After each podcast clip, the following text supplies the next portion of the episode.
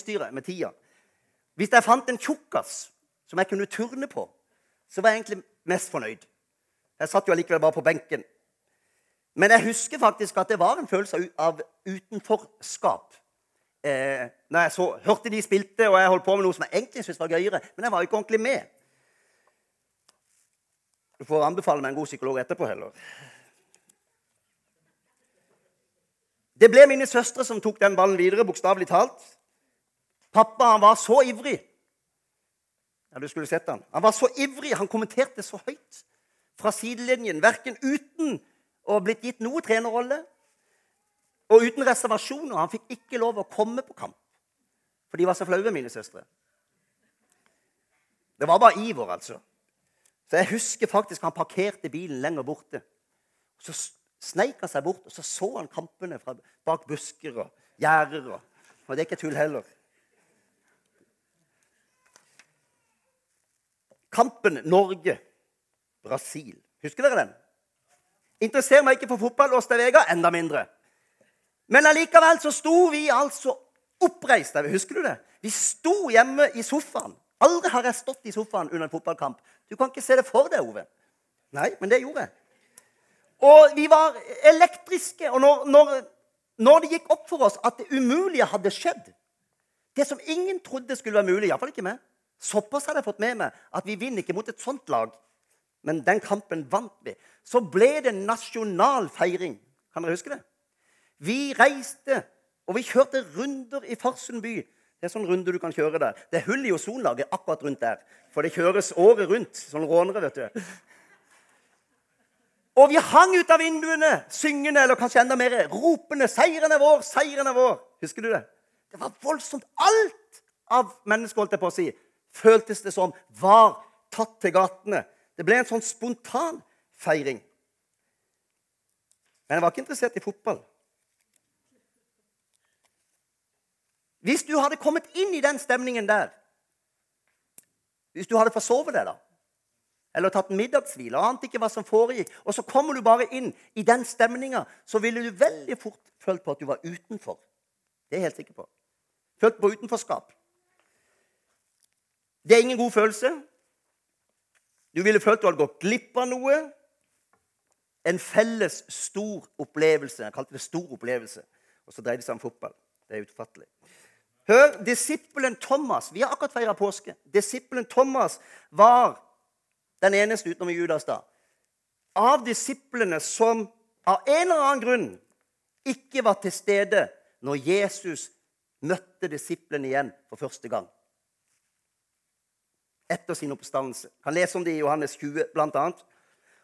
Og det er litt rart at han ikke var der, fordi samme dag tidligere på morgenen så hadde Maria Magdalena møtt den oppstandende Jesus og fått instrukser fra mesteren sjøl hva hun skulle si til disiplene. Og hun gjorde det. Og så var han ikke der. De andre var nok samla der mye fordi de hadde hørt dette budskapet om at han var stått opp igjen.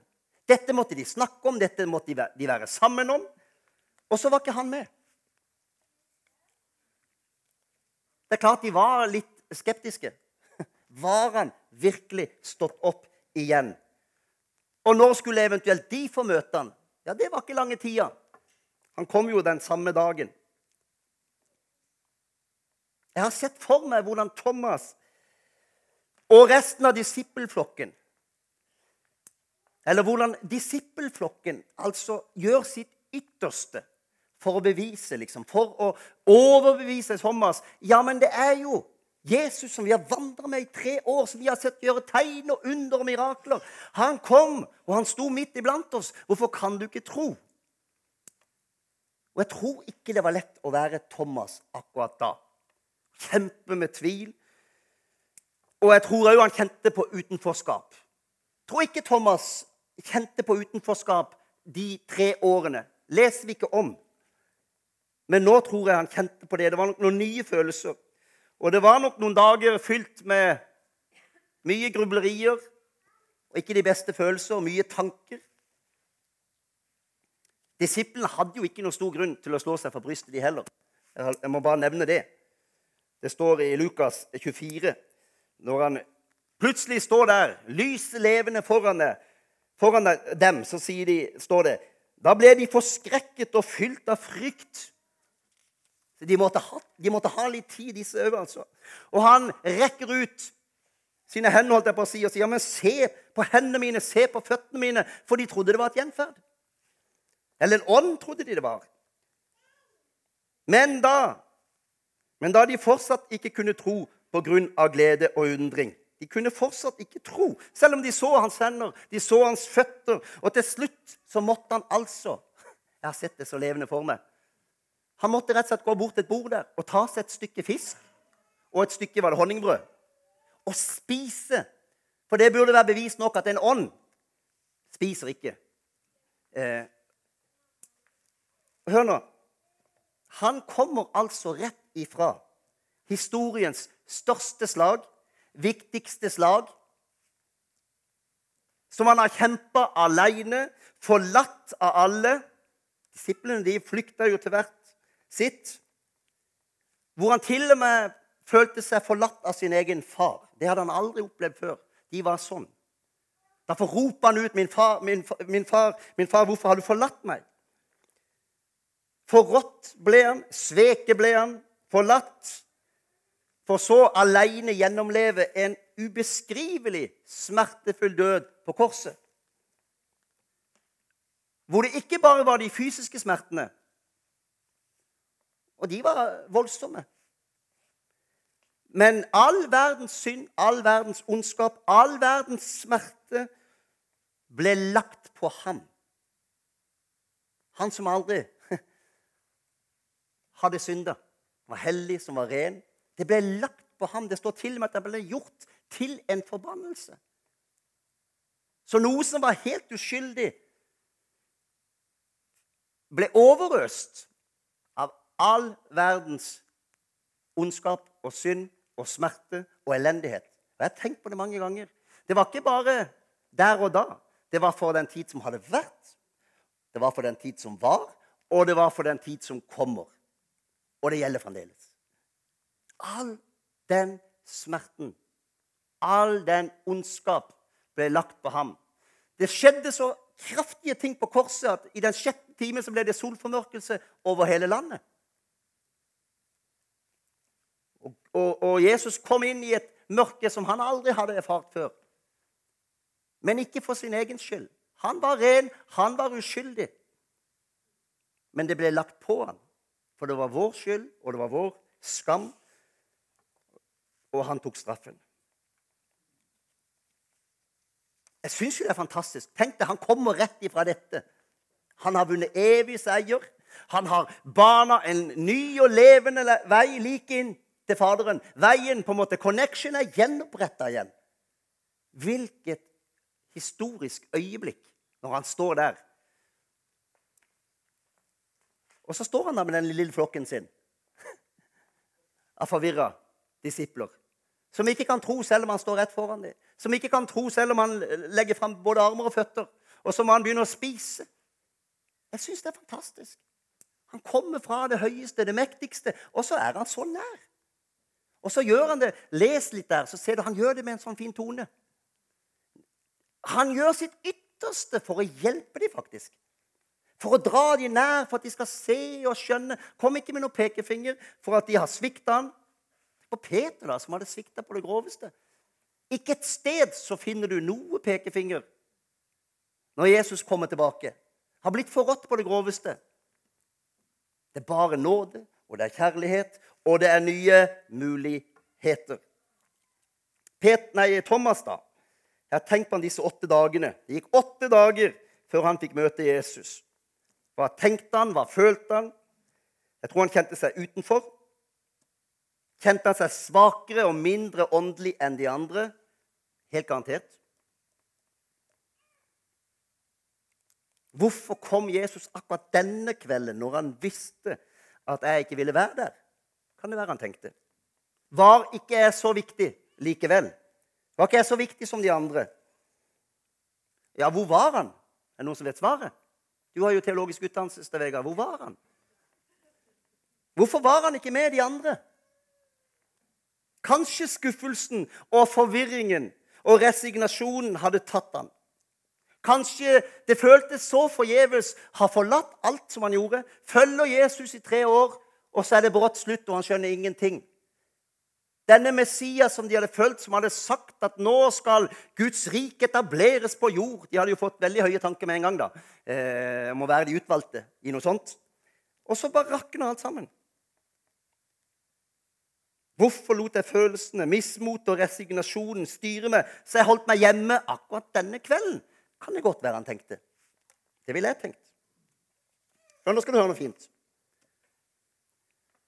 Disiplene de kjemper nok hardt for å prøve å overbevise ham. Han er ikke så åpen for det.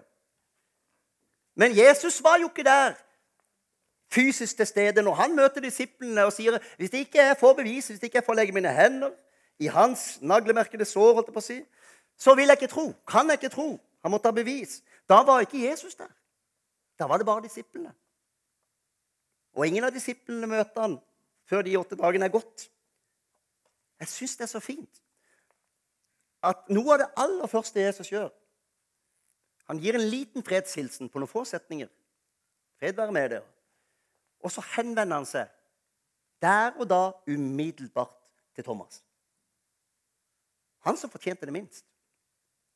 Han som hadde holdt seg vekke, han som hadde på en måte latt skuffelsen og bitterheten og hva det måtte være, forvirringen overta fullstendig. Han henvender seg til han først. Er ikke det fint? Det er det første han gjør. Det rører meg. Det sier så mye om den Jesus som vi elsker, og som vi tror på. Thomas han burde jo ha kasta seg på kne i det øyeblikket han så han. Han gjorde ikke det. Men Jesus er full av nåde, han er full av kjærlighet. Han hjelper først disiplene på alle mulige måter, så godt han bare kan, så de skal få hjelp til å tro. Og Thomas møter han på en fantastisk måte. Med kjærlighet og nåde. Jesus Jeg tror kanskje av og til at mennesker kjenner på at det, fordi man ikke klarer å tro, eller tro nok, eller sterkt nok, eller leve sånn og sånn, så blir Gud skuffa eller lei seg eller sint på oss, kanskje, tenker noen. Nei, han etterjager alle mennesker med sin kjærlighet. Det er jeg glad for. Hvis ikke så hadde ikke jeg holdt ut så lenge som jeg hadde jeg vel med ham. Nei, jeg var ferdig for lenge siden. Han etterjager hvert et menneske med sin nåde og med sin kjærlighet. Se, jeg står for døren og banker. Han banker på hver en hjertedør. Han gir ingen opp. Og det er seg sjøl han taler om når han løfter fram lignelsen om de hundre sauene og den ene som har gått seg bort. Og bonden forlater de andre for å leite etter den ene. Sånn er Jesus. Jeg kaller deg ved navn, du er min, sier Skriften.